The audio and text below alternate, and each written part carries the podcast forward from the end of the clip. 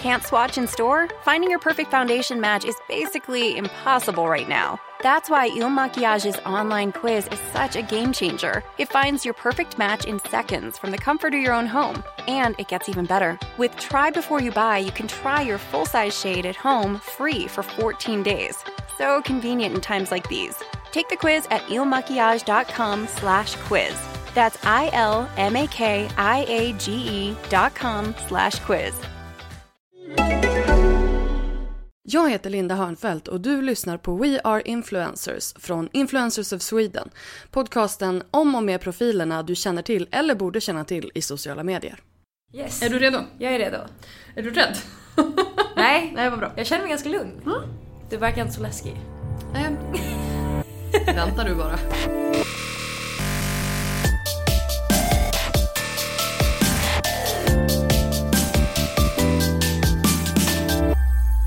Hallå där! Mars är här och nu har vi ett nytt avsnitt av We Are Influencers på ingång. Eh, jag vill först bara innan vi går in på veckans eh, intervju så vill jag bara eh, tipsa om att det är inte ens en månad kvar till vår konferens The Influencer Convention som kommer gå av stapeln den 31 mars och 1 april på Grand Hotel Saltsjöbaden utanför Stockholm. Och det finns fortfarande biljetter kvar så att eh, gå in på Influencers of Sweden och klicka dig vidare till The Influencer Convention för att köpa din biljett. Eh, det är både för influencers, eh, marknadsförare och eh, ja, de som vill veta mer om influencers och hur man jobbar med influencers och som influencer. Det där kan eventuellt vara någon form av rekord av antalet gånger jag har sagt influencers i en mening. Men men, så går det när man jobbar med det jag gör. Nu tycker jag att vi går in på veckans avsnitt. Nicole Falciani, hon eh, tjatade sig till att få börja blogga när hon var 10. Och sen hon var 15 så har hon mer eller mindre jobbat heltid med bloggen. Och tjänat pengar därefter. Eh, hon kör blogg och Youtube och har över 370 000 följare på Instagram. Och inte nog med det, ganska nyligen så lanserade hon även bloggasinet Smack Mag. En blandning av ett magasin och en bloggportal som hon beskriver som början på sitt imperium. Det är en väldigt driven ung dam det här. Eh, vi spelade in den här intervjun i oktober i höstas eh, och då pratade vi bland annat om att hamna i offentligheten när man är väldigt ung. Eh, Om Nicoles depression som hon också varit väldigt öppen med. Hennes planer att ta över världen och hennes bästa tips för framgång i sociala medier. Här kommer min intervju med Nicole Falciani.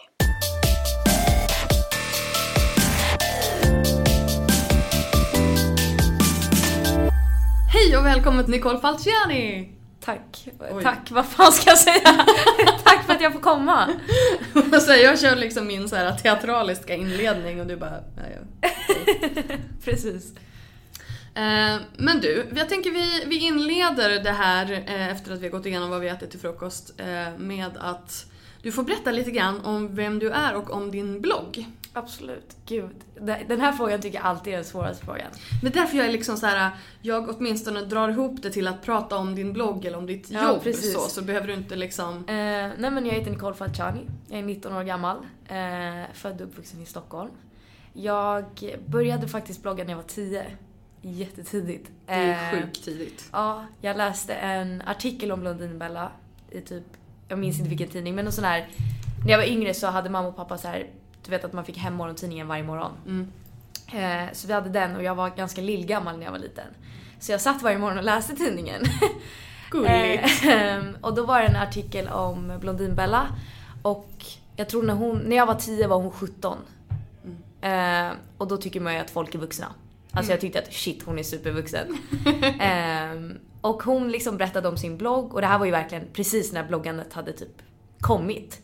Så nu ska Eh. vi se, det här var det är ju nio år sedan Ja. så mm. Eh. bara, måste bara, Precis. synapserna måste gå ihop. Eh, nej men så hon liksom var 17 och berättade om sin blogg, att hon tjänade pengar på det här och så. Och jag hade ju läst hennes blogg innan. Mm. Eh, och då stänger jag tidningen sen och säger till mamma att jag vill börja blogga. Och mamma bara va? Jag bara jag vill börja blogga för att jag vill bli som eh, Blondinbella när jag är 17. Eh, och, och, mamma liksom, det här var ju så nytt så mamma visste inte riktigt så här vad det inne, liksom, ja. vad hela den här blogggrejen var. Ja. Så hon och pappa diskuterade väl det här antar jag. Ja. Eh, och jag var också väldigt envis som liten, eller okej det är jag fortfarande. eh, så jag liksom försökte övertala dem för de var, de var lite skeptiska till det här i början. Sen till slut så lyckades jag övertala mamma och pappa. Det här är så ungefär som jag när jag skulle skaffa husdjur när jag var liten. ja, carry on. Så eh, övertalade jag dem, fick öppna en blogg, öppnade den på typ blogg.se.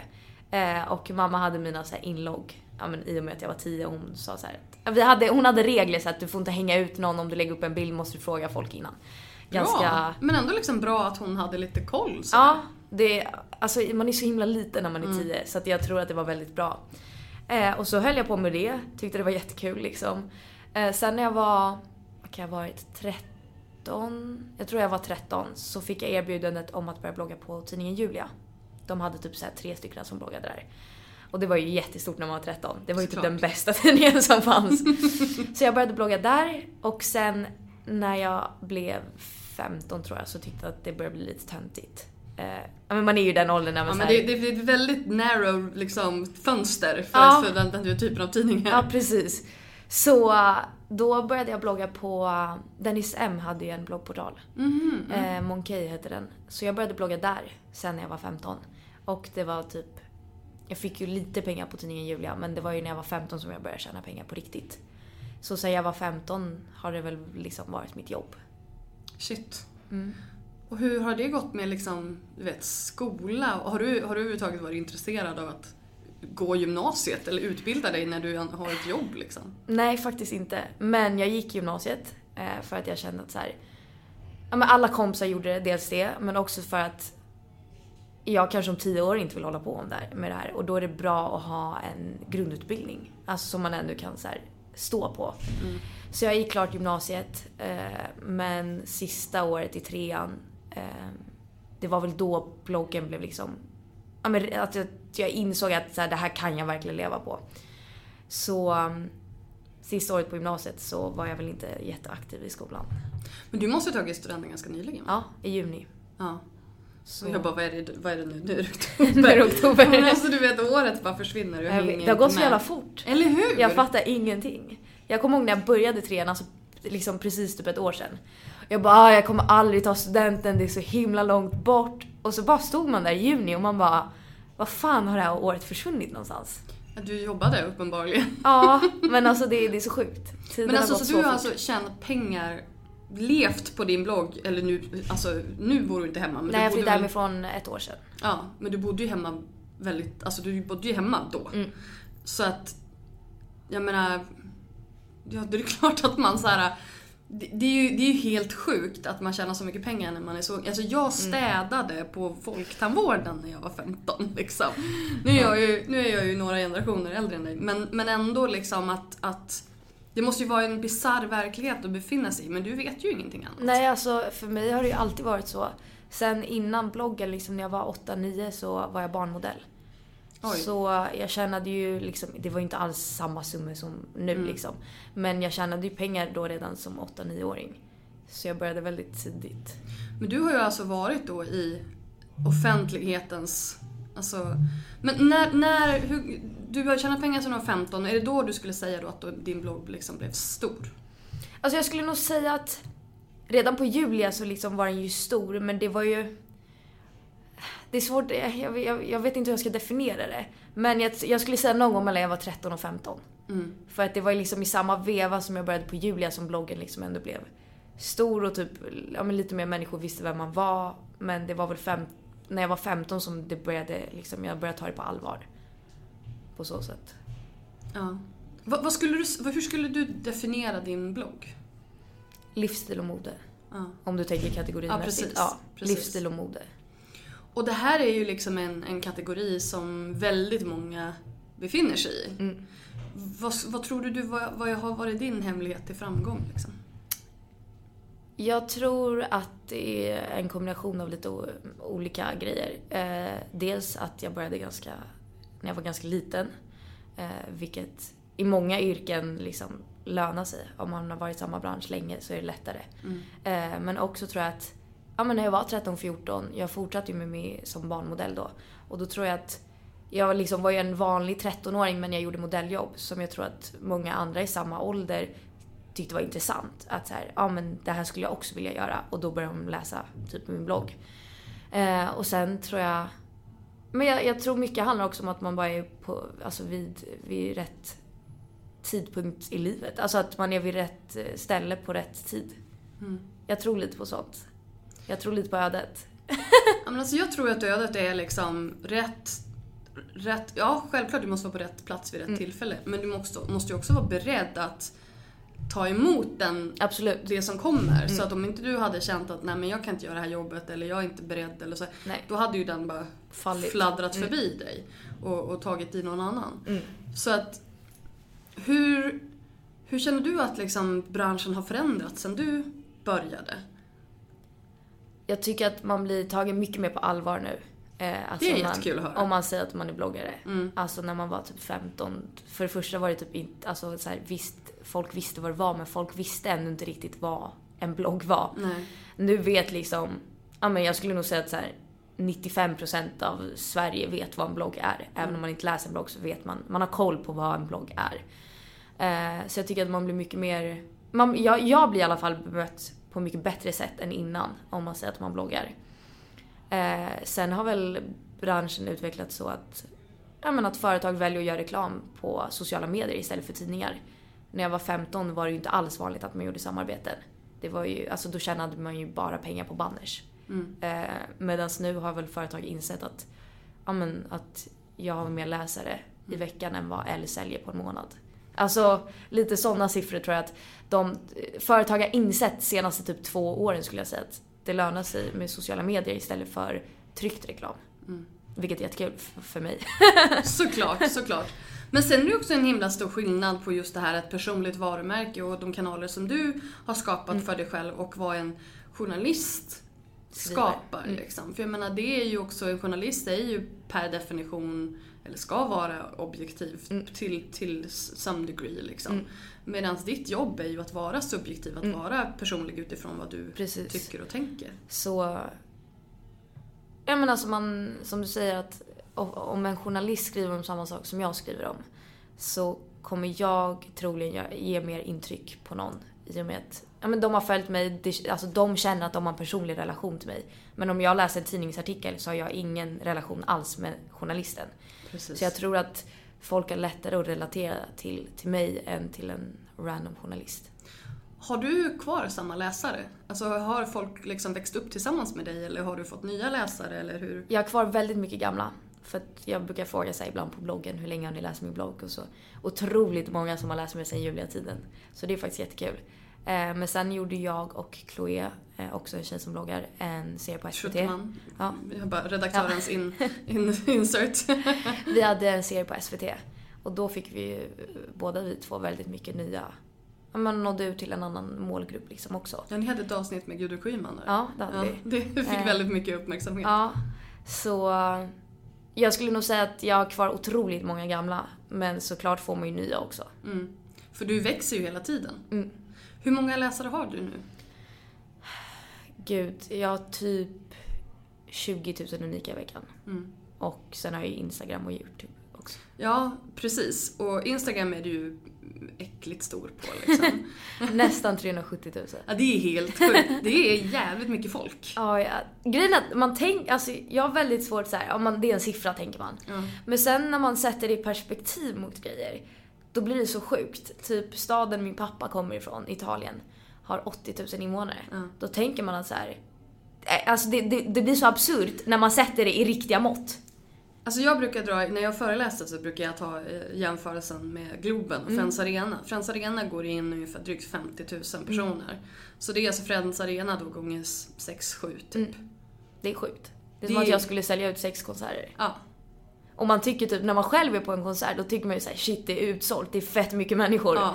Men sen, sen... Och det är det! Det är, det är klart det är sjukt mycket människor, men så sätter man det i perspektiv till hur många man själv har ja. som följer en. Och då ja. blir det, det blir verkligen så absurt. Det känns som så här, men man scrollar och så tänker man, äh, men det är bara en siffra. Mm. Men det är när man verkligen sätter det i perspektiv mot något annat som man inser att det är sjukt mycket mm. människor. Men vad skulle du säga är din liksom, primära kanal? Hur, hur aktiv är du på YouTube? Mm, jag försöker lägga upp någonting typ en, två gånger i veckan. Ja. Så helt okej aktiv. Men vad skulle du säga är liksom det som du känner mest för?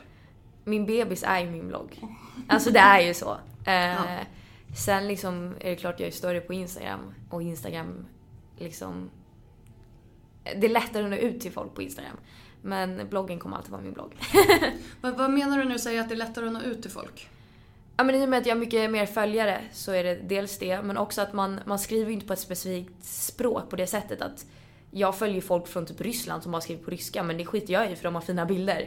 Så att på så, alltså du, man kan ju bli större internationellt på Instagram för att, ja men det spelar ingen roll vilket, vilket språk du skriver på, har du fina bilder så kommer folk följa dig ändå. Men då tänker jag också att det är mycket mindre personligt. Ja, Och det är det mycket ju. mindre liksom, där bygger du ju inte relation på samma Nej. sätt som Det är du gör därför på jag tycker bloggen blogg är mycket roligare. Precis. För att man så här, kan svara på kommentarer. Man lägger liksom inte upp en bild från nu, typ ett event. Utan Mm. jag lägger upp tio bilder på bloggen. Alltså det blir som en helhet. Jag skulle säga att jag, jag tycker Instagram är jättekul men bloggen är ju en helhet av Instagram. Där man lär känna mig. Och så, så vad, vad säger du till de som säger att bloggen är död? Att det inte är sant. Och hur, hur motiverar du det? Att jag fortfarande tjänar pengar på den. Det- Det brukar vara mitt enda argument. Att skulle jag sluta, alltså i och med att jag fortfarande tjänar pengar på bloggen eh, så betyder det att den inte är död. Annars skulle jag inte tjäna pengar på den. Nej, och jag tänker liksom att man kommer alltid att ha behov av att ber- berätta längre historier Mm. än vad som får plats på Instagram. Och alla är inte be- bekväma med YouTube. Nej. Så därför så tror jag, och så sen är det också det här som, som jag brukar säga att, att bloggen är den enda kanalen som du faktiskt äger. Mm. Jag menar Facebook, Instagram, YouTube, det är ju andra, det är ju Facebook och som Google äger. som äger, Mm. som äger dem. Och jag menar, bestämmer de sig för att göra någon ändring i någonting så då får du bara rätta dig efter det. Och sen tror jag att alltså bloggar, bloggar kommer allmänt fortsätta utvecklas. Mm. Alltså en blogg kommer nog inte se ut som... En blogg om tio år kommer inte se ut som den gör idag. Utan det kommer troligen vara typ ett online-magasin. Mm. Alltså, så Om att man jag tittar tror... på USA så är det ju dit Ja. det går. Ja, så jag tror att blogg, liksom själva bloggandet och bloggar kommer finnas kvar men det kommer ju utvecklas som allt annat. Men jag tycker att det är lite tråkigt. Om man tittar till exempel på om du tittar på många amerikanska, eller om du tittar på Sara Larsson. Hon har ju lite grann av en, av en redaktion som skriver vissa av hennes inlägg och sådär. Och då är det ju lite mer så online-magasinigt. Men då tycker jag att då tappar man ju lite grann av den här personliga relationen. Men jag tänker mig att eh, om, om jag någonsin skulle göra det i framtiden, vilket man måste ju typ haka på på utvecklingen såklart. Eh, så skulle jag nog ha en, en privat, alltså en personlig del på hemsidan som är jag. Alltså som är en blogg. Fast sen har man kanske redaktionella inslag. Liksom på startsidan eller under vissa kategorier. Men att man fortfarande har kvar bloggen fast under typ online-magasinet. Tror jag. Hur känner du inför liksom kändisepitetet? För du har ju en väldigt känd pojkvän som är liksom Erik Saade kan vi då säga till folk som inte vet. Ehm, och han är ju känd på det klassiska viset om man ska säga så. Liksom, att, att alla som... Så här, jag har funderat på just det här, så här, vad är det för skillnad på en kändis och en influencer? Och skillnaden som jag ser det, det är så här att en kändis, jag kan ju känna till den personen och inte tycka om den. Alltså, det är ju väldigt många, ja, men speciellt liksom melodifestivalartister och sådär, alla känner ju till dem. Men det betyder inte att man litar till dem som man gör till en influencer. Nej. Så att, men jag känner att du måste ju ha blivit lite bevandrad i det här klassiska kändiskänslan i och med Jag tror med att jag är hans, lite liksom- mittemellan faktiskt. Ja men eller hur? För att dels efter SVT-serien jag Ja. hade och då blir man ju också lite mer folklig. Precis. Alltså om man säger så. Ja, men det är bra För uttryck. att en vanlig Svensson kan ha sett min, min serie på SVT, sen kanske de inte läser min blogg. Precis. Men efter SVT-serien så vet de ju ändå vem jag är. Eh, och sen hade jag ju en tvådd på kanal 5 Play, Mm, vilket också lite mer, liksom att det blir mer tillgängligt för en, ja, men en vanlig Svensson mitt ute på landet. Precis. Som inte en blogg kanske blir på samma sätt. Eh, så jag skulle vilja säga, ja men precis som du sa, att jag har väl hamnat någonstans där mittemellan. Ja, för nu har du hamnat liksom, nu blir det lite mer så här skvallerpress. Precis, hänt extra. Ja men alltså, och det är ju någonting som kanske inte Ja, nu tänkte jag ta Jenny Delén, var ett jättedåligt exempel för hon är ju precis samma. Eh, Men eh, vem ska ta, André, Hedestedt som jag intervjuade här för några veckor sedan. Hon har ju inte den det, hon är en jättestor bloggare. Hon är jättestor, inom, som, jättestor som influencer. Men hon är liksom inte kändis Nej. på det folkliga viset. Ehm, är det någonting du liksom har, har märkt av? Är det positivt eller negativt för din affär? Alltså, det är lite... Det är positivt på ett sätt för att när man ska liksom jobba med företag och så kanske är det någon på företaget som inte har så bra koll på bloggare, vilket ofta händer, så kan de fortfarande... Vad menar du? så kan de fortfarande veta vem jag är i och med att ja, men jag hamnar någonstans där mittemellan. Ja. Så på ett sätt tror jag att det är bra för att man får men man, man får äh, människor, man får upp ögonen mer hos människor som kanske i vanliga fall inte är din målgrupp. Och på så sätt eh, får man jobb liksom. Eh, å andra sidan så liksom jag har ju varit med i massor så här Hänt Extra och sådana skvallertidningar. Eh, men så här, 90-åriga så här Britta, hon skiter ju vem jag är liksom. Så jag tror det är liksom, Eriks gulliga lilla flickvän! så jag tror att det är liksom, jag tror det är mer positivt än negativt. Mm. Eh, tror jag. Men känner du inte också att liksom, inte för jag kände bara, nu lägger jag lite ord i munnen på dig. Nej det är ingen fara. Ehm, men för jag tänker liksom att, just det här precis som du säger, att folk inte har koll Mm. på vem du är. Och då kanske blir mer positivt inställd för att de känner till dig som, Mm. som ja, men Eriks tjej eller hon tjejen som gjorde SVT-serien. Alltså det skulle göra mig väldigt frustrerad. För att då blir det lite så här, men om, då har ju inte de riktigt gjort sin research heller. Alltså, Nej. för då blir det så här, okej, men blir du mer relevant för det företaget för att du är den här halvkändisen eller du borde ju vara, mer, du borde ju vara liksom relevant i alla fall. Förstår du vad jag menar? Mm, jag, fa- jag fattar precis hur du tänker. I början tyckte jag det var jättejobbigt när folk sa ja ah, men det är Erik tjej. Mm. Man bara, nej jag heter Nicole och jag har typ bloggat i nio år så att så här, jag Exakt, du känner... har ju skapat din karriär helt utan honom Ja, och så helt plötsligt så blir det... Så det, i, i början tyckte jag det var jättejobbigt. Ja. Att så här folk, ja men man, man klassades som Erik Saades tjej. Punkt. Mm. Det var det jag var liksom. Eh, och så bara, ja men hon glider bara på honom. Eh, hon blev bara tillsammans med honom för att hon skulle få mer bloggläsare. Man bara fan. alltså man fick höra så sjukt, alltså verkligen så här bisarra grejer som så här, Mm. absolut. Eh, vi fick höra att vi var flyttade ihop på PR-trick också. Eh, Var det, funkade det? Nej, nej, det funkade inte alls fan. nej men så att i början tyckte jag det var jättejobbigt men sen har jag väl bara insett att så här, vill folk tro det så varsågoda. Mm. Alltså jag är väldigt så här. Förr när jag var yngre brydde jag mig väldigt mycket om vad folk tyckte och tänkte. Men sen kom jag väl till någon punkt för typ ett år sedan att så här, man kan inte bry sig om vad varenda person tycker om en. För att då mår man bara dåligt själv. Så, nej men liksom så senaste året har jag väl bara så här ryckt på axlarna och sagt så här, ah, okej vill, vill de tycka det eller tror de det så får de göra det. Gör deras liv bättre så varsågod liksom. Eh, det rör inte mig. Alltså du måste ju ha växt upp alltså, väldigt snabbt. Alltså Mm. nu som sagt, du har ju ingen, ingen referensram utöver det. Nej. Men att säga det vid 19 års ålder. Mm. Alltså jag kom väl dit för typ tre år sedan, jag är 36. Så att liksom hur, hur tror du att, att ditt yrke har påverkat din mognadsgrad? Alltså det är klart att jag behövt bli mogen. Alltså om vi säger så här, jag är mogen i vissa situationer och sen finns det situationer när jag är med mina vänner eller med min pojkvän eller familj då jag är jätteomogen och beter mig som om jag vore 12 år gammal. Det är vi fortfarande när vi är 36. Så, så att liksom, jag lärde mig väldigt tidigt att vara ja, men professionell och mogen vid rätt sammanhang. Alltså i och med att jag började redan som barnmodell när jag var åtta så var jag ju tvungen att vara professionell vid åtta års ålder för att ja, men jag kan inte stå på en plåtning som jag gjorde för H&M och bara tycka att allt suger och att allt är jättedåligt och stå och klaga på allting. Det förstod jag redan Lägger då. sig ner på golvet och bara Ja men typ. Men det förstod jag redan då. Men sen har jag ju alltid varit lillgammal.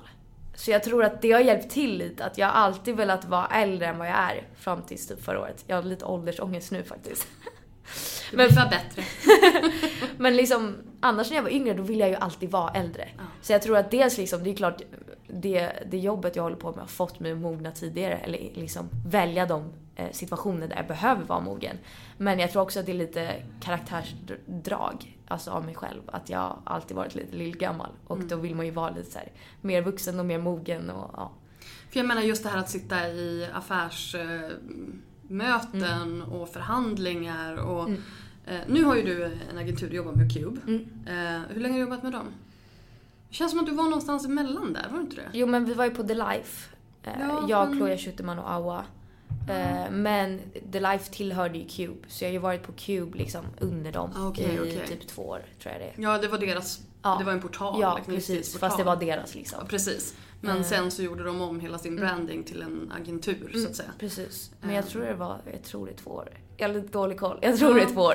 Så jag menar nu sköter ju de mycket av liksom förhandling och försäljning och Mm. sådana saker. Men innan det så måste du ju ha har du haft dina föräldrar med eller har du, liksom, har du skött det själv? Eller? hur? Eh, jag är med pappa på otroligt mycket möten. Ja. Eh, pappa har eget företag själv också. Så att eh, han är lite mer in... Alltså mamma har alltid jobbat på kontor så hon är inte lika insatt liksom. Mm. Så pappa har följt med på väldigt många möten när jag var yngre och mamma har tagit hand om alla kontrakt. I och med att det var ju hon som fick skriva på dem innan. Eller hon Mm. eller pappa, en målsman. Mm. Eh, och eh, de har advokater på hennes kontor liksom. Så då har hon bara Sweet. langat alla kontrakt till dem. Och så har, de, eh, så har det alltid slutat med att eh, efter en vecka har vi fått ett helt nytt kontrakt istället. så eh, nej men mamma och pappa har alltid hjälpt till. För det måste ju också vara, de måste ju verkligen ha varit ett stöd i allt det här och verkligen stött liksom. Mm. För att annars hade du inte kunnat göra det Nej, här. alltså jag öppnade ju mitt, eh, min enskilda firma när jag var 16. Får man göra det alltså? Ja, med för båda föräldrarnas, Ah, eh, liksom, eh, det är de som typ står som Ja. eh, liksom, Det är bolagsmän. de som åker, åker dit om, det jag gör någonting. Precis. Eh, så då, men pappa och mamma har alltid varit väldigt eh, positivt öppna att jag ska göra det jag själv vill göra. Mm. De har aldrig varit sådana föräldrar som är så här: nej men du måste ha högst betyg i skolan och du måste plugga vidare och du måste, för det har jag tyvärr många kompisar som har sådana föräldrar. Mm. Men mina föräldrar har aldrig varit så utan de har varit väldigt stöttande att så här, är det här du vill hålla på med så kommer vi såklart hjälpa dig. Ehm, och sen nu när jag var 18 så öppnade jag mitt aktiebolag, för det får man göra när man är 18. Men då har jag också fått typ all hjälp av pappa i och med att han har liksom haft massa olika företag själv. Så jag får nog tacka pappa extra mycket att han har hjälpt mig med alla redovisningar och bokslut och allt. Men det måste ju också vara, alltså jag tänker, att vara så ung och komma in i en så, så det är ändå en väldigt, speciellt sen Instagram kom, en väldigt utseende, Mm. hetsig bransch. Eh, och du har ju många unga läsare och Mm. sådär. Hur, tänker du, hur tänker du där? Alltså men nu, om, Som om liksom- jag tänker till när jag lägger upp något Ja eller? men både och, alltså både hur det liksom har påverkat dig och din Mm. syn på dig själv men även, för du har ju såklart blivit en förebild. Mm. Eh, Så hur du tänker på den påverkan som du har på din målgrupp när du lägger upp bilder eller inlägg eller så. Den där frågan tycker jag också alltid är så svår att få. Eh, vi pratade mycket om det eh, liksom på SVT. Eh, men jag försöker alltid när jag skriver på bloggen, främst i och med att det är där man skriver, eh, vara ärlig. Eh, att jag låtsas inte som att allt är jättebra om det inte är jättebra. Just för att jag har många unga tjejer som följer eh, och för att många andra bloggare ger bilden av att allting är perfekt och jag bråkar aldrig med min pojkvän och mitt liv är underbart och så här. Men jag har försökt att från början liksom vara ärlig att så här, nej men typ idag mår jag inte alls bra eh, Eller jag har bråkat eh, med min pojkvän. Eller, men du vet, försöker vara ärlig så att eh, yngre tjejerna ska förstå att allt är inte alltid jättebra för någon. Det spelar ingen roll vem du är. Så det har jag alltid försökt att få fram att så här, bara för att en Instagram-bild är fin så betyder inte det att jag mår bra. Nej för just Instagram blir ju verkligen den här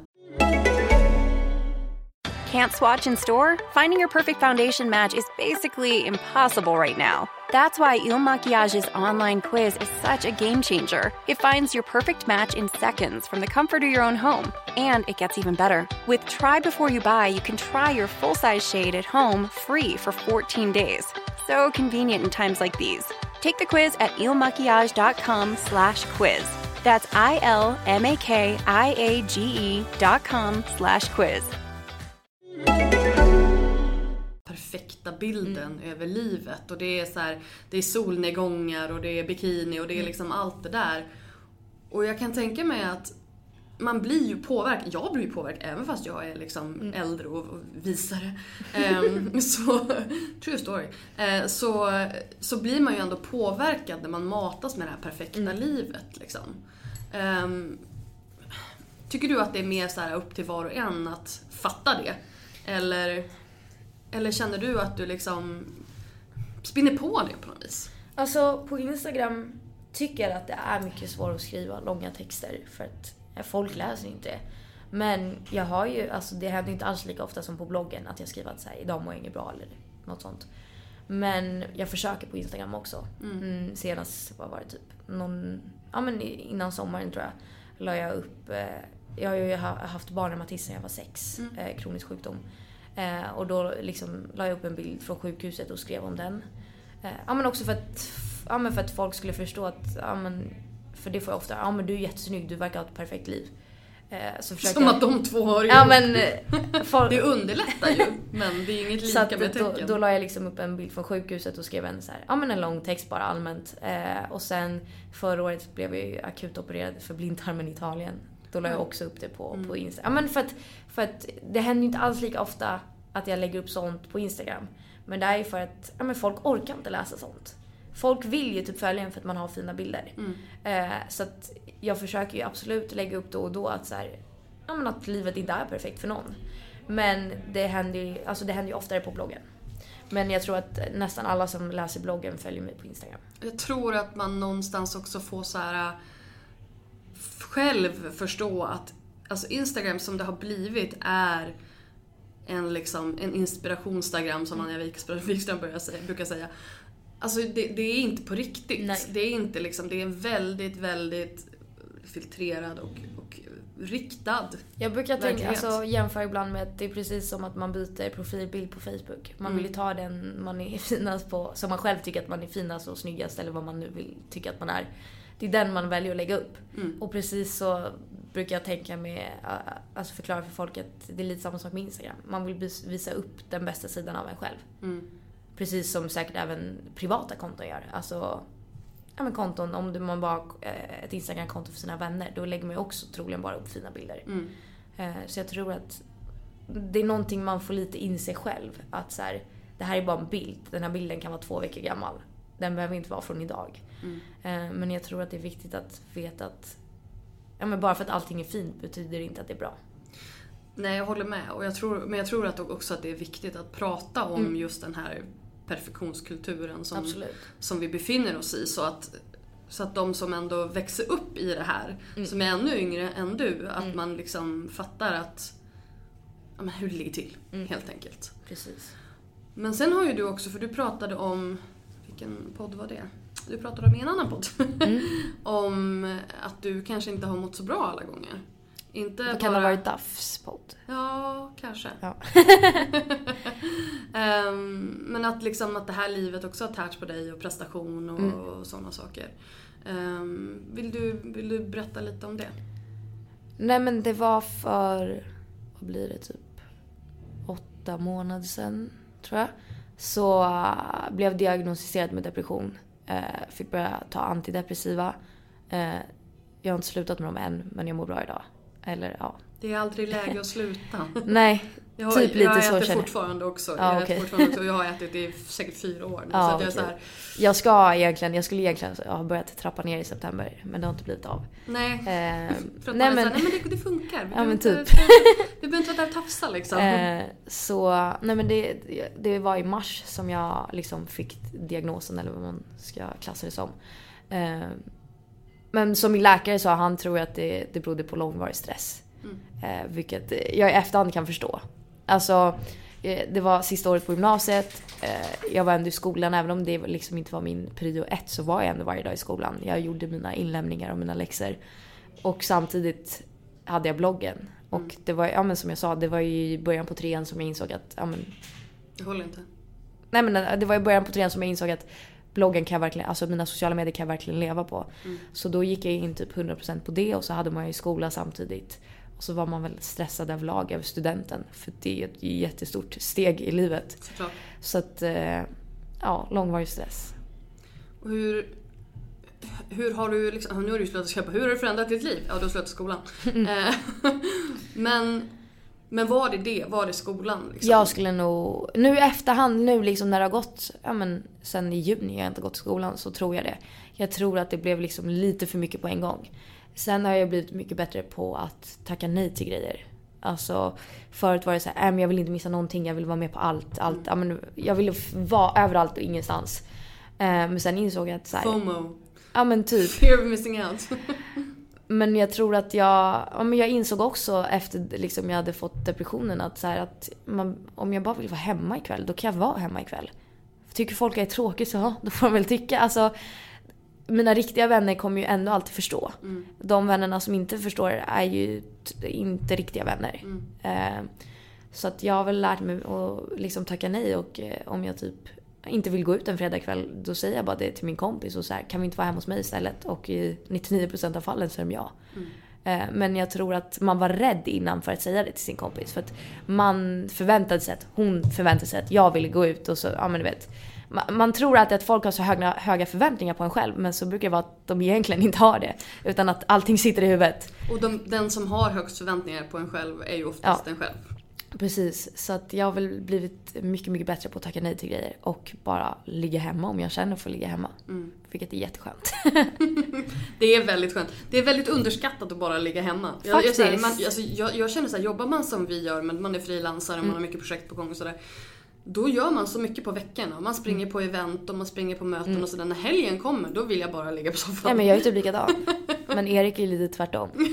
Så bara ska vi gå ut ikväll? Middag med eh, 45 kompisar typ och man bara "Eh, jag vill bara ligga Gud, var har hemma. han fått den energin ifrån? Nej jag vet inte. Jag tror faktiskt, vi har snackat om jag tror han har ADHD. Alltså han tror det själv också. Eh, jag, jag tror fan det stämmer. För att han, han, har- han jobbar ju väl också ganska mycket. Ja men han, är ju, han har ju lite mer att eh, när han skriver ett album så jobbar han ju jätteintensivt i typ sex månader. Och sen när albumet är släppt, då gör han ju ingenting i typ tre månader. Och sen turnerar man ju. Ja. Men då är han ju typ helt ledig i tre månader. Men måste han, gör han inga så här typ PR-grejer eller små, alltså... Ja fast då kanske det handlar om att han kanske jobbar typ liksom. Två dagar i veckan. Ja. Och sen är han ledig. Så då kan jag förstå att han kanske blir lite mer... Eh, Lite med spattig. ja, Och vilken, vilken är det den perioden nu? nu är det den perioden. Han, han börjar nu eh, från och med typ eh, om två, tre veckor tror jag eh, med så här, en liten turné, klubbgig i, i Sverige. Och du bara yes. Ja men typ. Får jag sova? Nej men så att jag tror att liksom han är nog lite mer eh, pigg och vill hitta på grejer för att, ja men som sagt han har perioder då han verkligen är ledig typ sju dagar i veckan. Mm. Och sen i höst, förra hösten då jobbade han ju verkligen varje dag även på helgerna i typ fem månader. Mm. Och då vill han ju inte heller hitta på någonting såklart. Så det, men jag tror att jag som bloggare i alla fall har lite mer, jag kan ju bestämma mina tider och sånt själv. Men jag har lite mer att jag har ungefär lika mycket varje vecka. Mm. Det är inte att jag är helt ledig en månad och sen har jag jättemycket två veckor. Utan det är lite mer stabilt än vad hans yrke är. Men hur ser din eh, liksom, redaktionella plan ut? Alltså hur, hur, hur långt i fram, framtiden planerar du? Hur mycket samarbeten gör du? Jag planerar två veckor fram i tiden. Ja, fast ändå liksom så här. Du är inte Eh. den som sitter så här en måndag morgon och bara crap, jag har ingenting att skriva om. Eh, nej, det brukar inte hända så ofta. Sen är det klart, det händer om man har typ varit sjuk eller Mm. liksom något sånt. Eh, men jag brukar ligga liksom, ja men typ 10 10-14 dagar fram i tiden. Det är ju ändå bra. Mm. Och, då sen, sen blir det ju klart att liksom, vissa inlägg publicerar man ju samma dag för att det är någonting jag gjort idag. Men liksom alla möten och sånt är inbokade två veckor framåt och event och sånt. Så jag vet ju liksom att så här, ja men nästa torsdag ska jag på typ, nytta på eh, Marabou-event. Jag ska inte det men typ. Då vet jag att ja men då kommer jag kunna skriva om det. Så att liksom, även om inte blogginläggen är satta så planerar jag typ två veckor framåt. Okej. okej. Mm. Och hur tänker du med, eh, när det gäller just samarbeten? Mm. Har du någon så här, men jag gör så många i veckan eller jag gör... Jag försöker börja jobba mer långsiktigt med företag. För att det känns bättre för mig och det känns bättre gentemot läsarna. Men jag skulle nog säga att max... Alltså sen är det klart, under sommaren får man ju mycket mindre samarbeten och under hösten mycket mer. Men jag skulle säga i genomsnitt eh, tre, fyra samarbeten i månaden. Fast det är liksom utspritt på alla kanaler så det kan vara en på bloggen och en på inte så YouTube. mycket. Nej. Så, men det är också för att jag, menar, jag tycker själv det känns bäst så också. Att inte ha massa... Och går man runt på det så är det Ja. ju... Men alltså du skulle kunna tjäna mycket mer pengar om du... ja, alltså, det tror om jag. du tog allting. Liksom. Ja, alltså om jag tackade ja till allt jag fick. Ja. Då skulle jag absolut tjäna mer pengar än vad jag gör idag. Men då är det också lite handla, alltså som vi pratade om, om varumärkesbyggande. Att jag vill ju inte samarbeta med alla företag. Eh, speciellt inte när man får mejl från typ så här sexleksaker. Och frågar om så här, vill du recensera den här på din blogg? Man bara, Ja, eh, de som... 19 bast, har läsare som förmodligen är oskulder. Ja, typ. Nej men så att eh, liksom, dels vill man inte tacka ja till allting men vissa samarbeten passar ju inte ens in. Nej. Men jag skulle kunna tjäna mycket mer pengar om jag verkligen sa ja till allting. Men alltså hur tänker du då också liksom när det gäller, alltså hur, hur har din läsarkrets eller dina följare svarat på det här med, med samarbeten? I början när jag började med det lite mer, liksom, när företag började inse och när jag började göra det lite mer på riktigt. Eh, då kunde det, alltså det i och för sig kan fortfarande folk bli men att såhär, ah, det är bara reklam på din blogg och så bläddrar man igenom en typ en hel månad och man har typ tre samar- alltså i samarbete med på bloggen. Eh, så att det beror väl liksom på men jag skulle nog säga att responsen blir bättre och bättre. I början var det ju bara typ 10 kommentarer om att du gör bara det här för att tjäna pengar och hit och Ja men du vet, verkligen bara sådana kommentarer. Men nu så har väl, alltså jag skrev ett ganska långt inlägg om det att man skulle kunna jämföra min blogg med en tidning och en tidning betalar du för men min blogg är gratis. Jättebra. Och därför så måste jag göra samarbeten för att i och med att jag inte tar betalt för bloggen så måste jag få in pengar på ett annat sätt. Och tidningarna har annonser och de tar betalt för tidningen. Precis. Så att det är som att du skulle ha annonser och ta betalt för de som läser den. Så att Ja men man är ju väldigt, vi lever ju i ett gratissamhälle som, Ja. där folk är väldigt eh, bortskämda. Speciellt när det gäller innehåll på nätet. Ja. Det ska ju vara gratis liksom. Så, så det har jag ju liksom försökt förklara för folk som läst bloggen. Eh, Tror du att du har bara såhär wore them down eller har de faktiskt fattat grejen? Jag tror de faktiskt har fattat grejen. Att så här, okej men om, liksom, det är Nicoles heltidsjobb. Hon måste få in pengar på något sätt liksom. Eh, så det tror jag absolut de har förstått.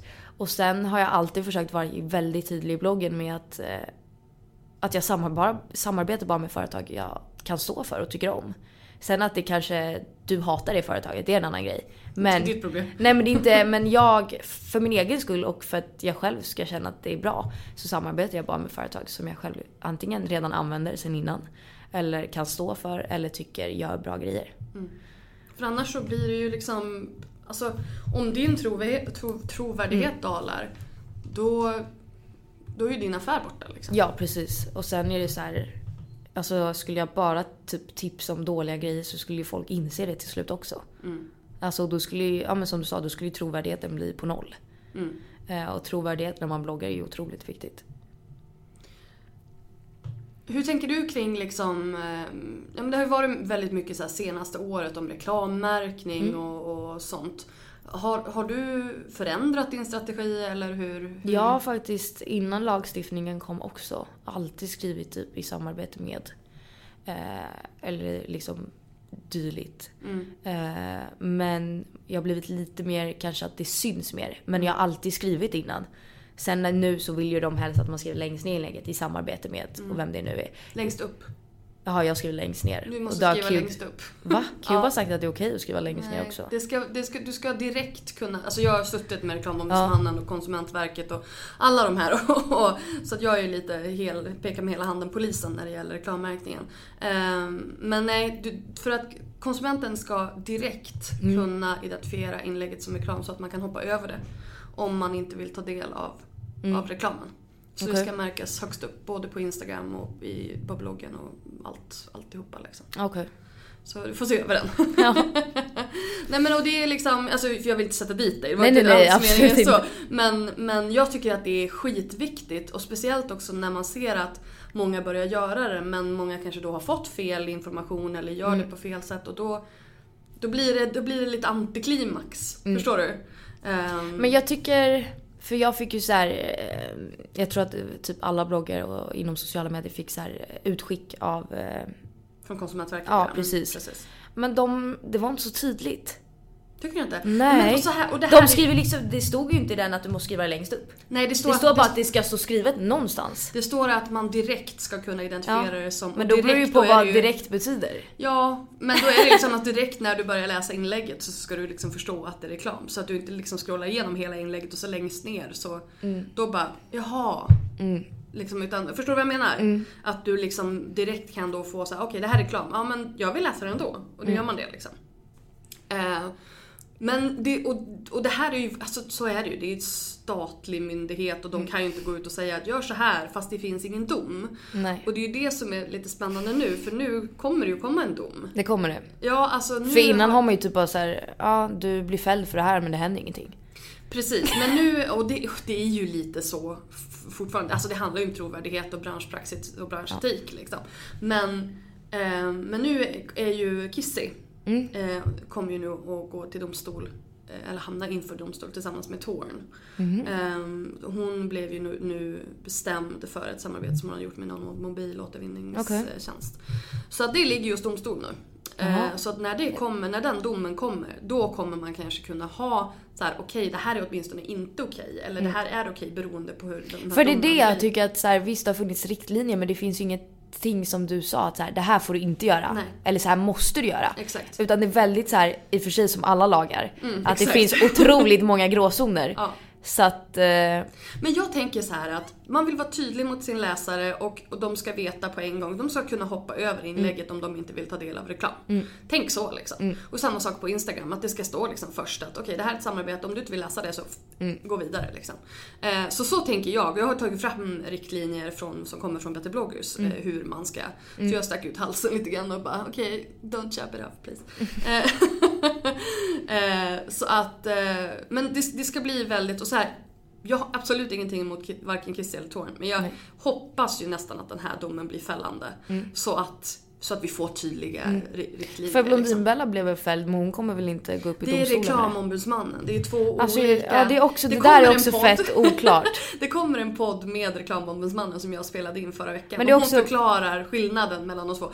Reklamombudsmannen, vi kan dra det lite kort. Ja. Reklamombudsmannen är en självreglerande, en självreglerande stiftelse, tror jag. Så här. Okej. Skillnaden är att Konsumentverket är en myndighet, alltså en Mm. statligt eh, driven myndighet som då kan fälla Typ som domar. Skolverket. Precis, och, du, och liksom, du, du, kan, du kan ge ut böter, du kan eh, gå inför domstol, du kan göra sådana såna saker. Reklamombudsmannen är ett självreglerande som branschen självreglerar. Det kommer från, det är Sveriges annonsörer Okej. som liksom startade på något vis, nu, nu vill jag inte säga fel, är någon, någon form av avknoppning från Sveriges annonsörer. Så att reklamombudsmannen är till för att reglera reklam. Okej. Men det är ju som att Ja, men det är som jag. Alltså jag skulle kunna göra det med, med bloggare. För nu, jag driver Better bloggers, det är en branschorganisation. Då kan jag, om vi nu liksom utser då bloggombudsmannen. Då kan jag komma till dig och bara nej, du har inte gjort det här rätt. Fy skäms, smäll på fingrarna. Och Men behöver jag fixa till det då? du behöver inte, men det är ju public shaming liksom. Ja. Men man måste inte? Det, det beror på hur du ser det. Du kommer inte få böter. Nej, okej. Eh, jag bara okej. Men du kommer kanske att få lite liksom, pikar från dina kollegor och dina läsare. Mm. Som säger att okej, fast du har ju blivit... Du har ju fått ett beslut Mm. här, varför fixar du inte det? För uppenbarligen så tycker inte branschen att det är okej. Nej, Så så ser det ut. okej. Eh, och det var det som... Henne Blondinbella istället? Precis, exakt. Eh, och Kissy, det var ju samma, samma inlägg tror jag som nu är uppe i domstolen. Så hon har ju ändrat det, men det här är ju ändå, det här utgår ju från liksom grund, Mm. grundtanken. Gud vad vi snöade in på det. Eh, men jag tycker att det är viktigt, speciellt när, är så här, när man är så stor som, som du är och liksom många andra bloggare som ser upp till dig. Mm. Eh, så tycker jag det är viktigt att det blir rätt. Liksom. Eh, och då är jag lite, lite polis, Mm. bloggpolismamma. Det är Typ. bra. Ja, jag försöker. Jag försöker. Men alltså, nu kör du din YouTube-kanal lite Mm. mer aktivt sådär. Vad, vad händer härnäst liksom? Ska du göra en modekollektion och skriva en bok och du vet, checka av listan? Nej, det är inte tanken än. Eh, Vad, vad vill du göra? Vad vill skriva- du göra med ditt, med ditt eh, Jag vill göra mycket mer rörligt material. Jag älskar rörligt. vad kul? Ehm, så det kommer nog absolut eh, bli mycket mer YouTube. Nicole Falciani, the, the... Oh! Vad händer? Jag bara... kom på världens bästa idé nu. Jag bara, Falciani och Saade, the reality series. Ni blir Kardashians vi har faktiskt liksom. blivit tillfrågade av MTV. det? Jätteroligt. Men kan ni inte vi, göra vi det? tackade nej. Det hade ju varit skitroligt. nej men jag vill göra mycket mer rörligt. Ehm, så att YouTube kommer nog bli ännu mer aktivt. Mm. Och sen älskar jag att ha liksom, ja men som jag och Chloé hade, vi hade en serie på SVT och eh, en tvådd på kanal 5. Det är något sånt jag vill hålla på med. Så i fram... Programledare eller utifrån ditt eget varumärke eller vad Det kan vara både och. Mm. Så länge det är rörligt. Jag älskar rörligt. Jag tycker det är mycket lättare att eh, uttrycka sig Mm. i, i video liksom. Än i skrift. Så eh, i framtiden kommer det att bli mycket mer rörligt. Din Yout- YouTube-kanal, eh, ligger den också under Cube eller Nej, är det... den ligger under Splay. Display som den, okej. Eh, för de, har, de gör ju jättemycket spännande nu så det, Mm. Precis. det, det är bara att gå till Så dem att, att eh, säga. ja, nej men det är väl framtidsvisionen är väl att göra rörligt. Mm. Men eh, din YouTube-kanal nu, gör du den själv eller? Jag gör allt själv. Bra. Mm. För jag menar, det här jobb. är ju, precis, för det här är ju ändå så här. det är lite coolt att man, då, man när man börjar blogga så då är det så här, man kanske tar lite bilder Mm. med kompaktkameran och så skriver man lite och så sen så köper man en systemkamera och så sen Mm. så börjar man jobba med lite Lightroom eller någonting sånt där. Och nu har du ju liksom då, då måste man sig redigeringsprogram och sådana saker. Det tar sjukt lång tid. Det gör Det känns som att jag vill kasta ut min dator var och varannan timme när jag redigerar en video. Men Vad använder du för program? eh, Final Cut Ja. gör jag. Jag testade Adobe Premiere Ja. eh, men det tyckte jag inte om alls. Alltså jag, jag använder Premiere, jag tycker jättemycket om det. Men, man, men det är liksom så här, man måste gå... Jag har ju gått lite så grundkurser på YouTube. Ja. För att du vet, innan man har liksom lärt sig var allting är någonstans. Mm. Så vill man Nej ju så att jag bytte, bytte från Adobe Premiere till Final Cut. Ja, Och tycker det är mycket bättre. okej. Tycker jag. Men alltså... eh, Ja, men hur har den liksom utvecklingen varit för dig rent tekniskt? Det måste ju också vara jävligt kul att man då får en anledning att lära sig nya grejer. Du bara, jag har precis gått ut skolan, låt mig vara. Nej men eh, alltså jag har ju hållit på, jag var ju inte alls aktiv men jag har ju ändå hållit på med YouTube eh, innan. Mm. Sen är det klart, då gjorde jag typ i iMovie. Men jag kunde ändå grunderna i att så här, klippa och redigera en enkel YouTube-film. Så grunderna, grunderna hade jag innan men sen har jag ju liksom fått googla och YouTube allting. Det är så jag har lärt mig Final Cut också. Och frågat ja, men, människor runt omkring mig som vet. Eh, typ dra- dragit iväg ett sms. Äh, det här funkar inte nu, kan du hjälpa mig? Och så får man hjälp. Du har inte funderat på det här med liksom, för jag menar nu är det ju fler och fler som jag vet att Linn Herbertsson och Peter Fia och så här har liksom anlitat, de vill inte säga assistenter, så det är så koordinatorpersoner. Du har inte funderat på att liksom anställa någon som Nej. hjälper dig? Nej. Varför inte då? Jag vet inte, jag älskar att ha koll på allt mitt eget själv. Jag vill inte att någon annan kommer in och, och rör i det. Är det, så här, det här är verkligen den här, eh, alltså det jag älskar med bloggare det är för det första att de är lite kontrollfreaks, många. Men sen liksom att man har kunskap om så många olika saker. Man kan skriva, man kan fota, man kan filma. Ehm, Så du skulle också liksom kunna skapa material till, till tredje part. Liksom. Mm. Utan Absolut. att det skulle vara beroende av, av dig eller din, Mm. din, din räckvidd. Okej, så rörligt. Eh, jag har fastnat i den där reality-serien-idén. Jag tyckte det var roligt. Nej. Jag såg att eh, Wahlgrens värld, jag, Ja. alltså jag tittar aldrig på TV, Nej. vanlig TV, men det såg jag ju att de Den skulle... har väl premiär nu tror jag. Ja. Någon gång i veckan. Det, det, är, det är svenska Kardashians, jag ser, Ja. jag ser det framför mig. Jag kan inte Bianca tänka mig att en svensk Kardashian-serie blir bra. Alltså inget ont mot dem men jag tror, jag vet och Vi inte. är lite för jantiga. Nej, jag, jag är nog, i och med att båda mina föräldrar är från Italien, jag är inte alls så. Men jag tror bara att det är så här, Sverige är för litet. För att det ska kunna bli något bra av det. Mm. Alltså det kommer ju liksom... Jag vet inte, det känns bara som att Sverige är för litet. Det kommer inte... Alltså jag har ju för sett... Du gör ju din YouTube-kanal och sådär på, på engelska. Mm. Har du liksom... Har du aspirationer på internationell succé? Ja. Ja, Ja, det är snack om saken. det har jag. Så flytta till USA och... Nödvändigtvis inte USA. Jag tänker mig främst Europa. Mm. Eh, men jag menar, jag har alltid tyckt att Sverige är lite för litet. Alltså, älskar Sverige, men jag tror inte jag kommer bo i Sverige i framtiden. Och jag inte, jag tycker bara att det finns otroligt mycket möjligheter i Sverige, men inte om man jämför med, i och med att jag är så mycket i Italien och är liksom tre fjärdedelar italiensk. Det finns så oändligt mycket mer möjligheter där än vad det finns här. I och med att de är liksom 70 miljoner invånare. Det är inte så konstigt. Men Men hur är de med i liksom social media bloggsvängen? De är typ, jag skulle nog säga fyra år bakåt. Men de kommer nog komma dit, dit vi är idag. För de håller på att göra exakt samma utveckling som Norden gjorde överlag. Mm. Så det kommer komma, men de är lite efter. Då får du flytta dit nu liksom. Typ. Så, att du, så att du ligger ahead of the curve. Ja, nej men så att eh, liksom... Ja men det är väl att satsa liksom på Europa. Mm. Sen blir det USA så blir det USA men jag har ingen så här dröm att äh, jag ska flytta till USA och bli stor där. Utan jag tänker att så här, Europa är stort nog och dessutom mycket, mycket närmare. Det är jag som är besatt av New York, det var därför det var liksom min, min go-to-grej.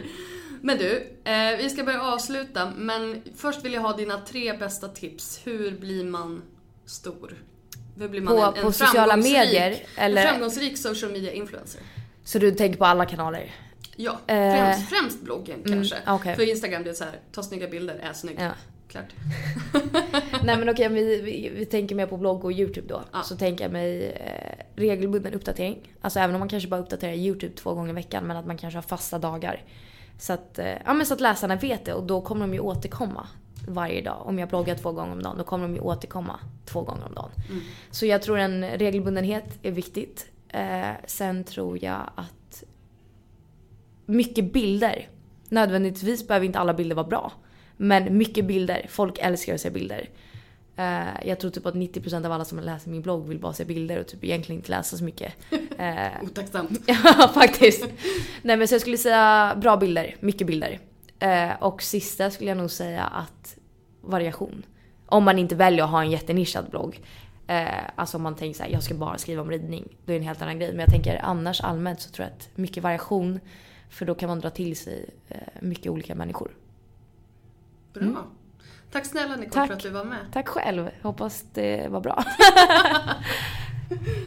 Du har precis hört ett avsnitt av We Are Influencers, en podcast från Influencers of Sweden, Sveriges branschorganisation för social media influencers.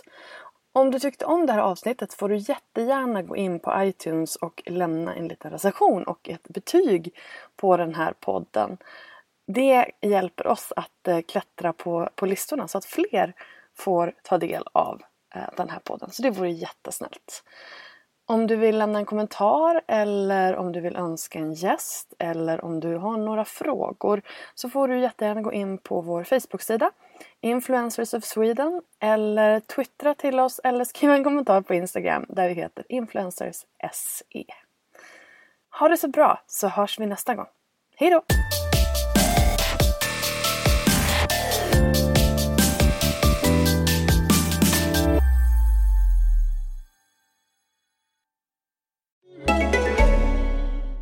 Can't swatch in store? Finding your perfect foundation match is basically impossible right now. That's why Il Maquiage's online quiz is such a game changer. It finds your perfect match in seconds from the comfort of your own home. And it gets even better. With Try Before You Buy, you can try your full size shade at home free for 14 days. So convenient in times like these. Take the quiz at ilmakiage.com slash quiz. That's I L M A K I A G E dot com slash quiz.